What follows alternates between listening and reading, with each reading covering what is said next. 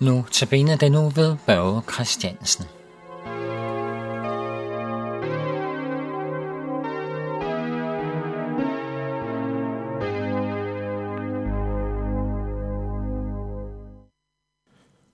Til i dag skal vi høre øh, et vers fra 1. Korinther 15, vers 57.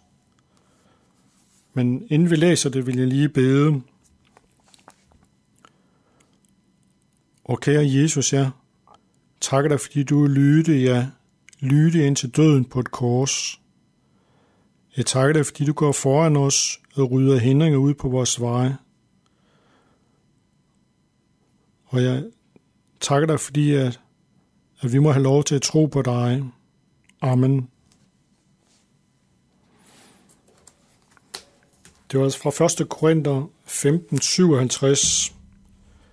Men Gud skal tak, som giver os sejren ved vor Herre Jesus Kristus.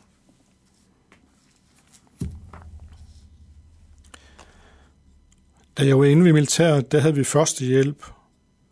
Vi skulle også bestå en prøve i første hjælp. Vi skulle have et vist antal point for at kunne bestå. Jeg synes da, at jeg havde tilegnet mig undervisning, så jeg kunne bestå, men ved en af prøverne stod der en, der havde en sprøjtende pulsoverblødning. Han stod med alt soldatudstyret på, så jeg ville lige tage udstyret af ham for at få ham ned og lægge.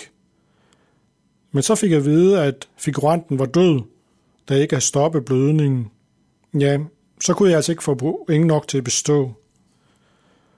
Nogle af mine soldaterkammerater syntes, at det var så synd for mig, at de spurgte, om jeg ikke bare kunne få nogle af deres point, så kunne få mit førstehjælpsmærke. Det kunne altså ikke lade sig gøre.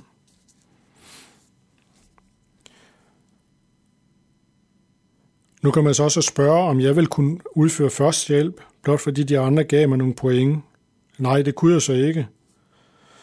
Jeg har dog fået opdateret min førstehjælp senere, så nu har jeg fået mit bevis. Men tilsvarende kunne man så spørge, hvordan at den anden kan give os sejren, vi er vel nødt til at sejre os selv. Hvis vi taler om at sejre synden, så klarer vi det ikke selv. Vi prøver al magt at opfylde de 10 bud, men vi finder ud af, at det klarer vi ikke selv. Det kan måske være forskelligt, hvad det er, som vi falder på. For nogle er det måske, at man opdager, at man elsker penge mere end Gud. For andre er det det, at man føler, at man er bedre end andre. Og for nogle andre kan det være noget helt tredje. Men her er det så, at Gud han har en plan. Gud han har givet os sejren ved Jesus Kristus. Men hvad er det da, at Jesus kan gøre, som vi ikke kan gøre? Jo, Jesus han vil lytte, ja, lytte ind til døden på et kors. Filipperne 2:8. Jesus han lød døden på et kors, men derfor har Gud højt ophøjet ham. Filipperne 2:9.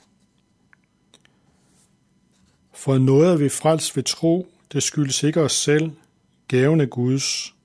Efeserne 2, 8-9. Da Jesus han døde på korset langfredag, blev vores sønder hængt på korset, og derfor er vi frelst.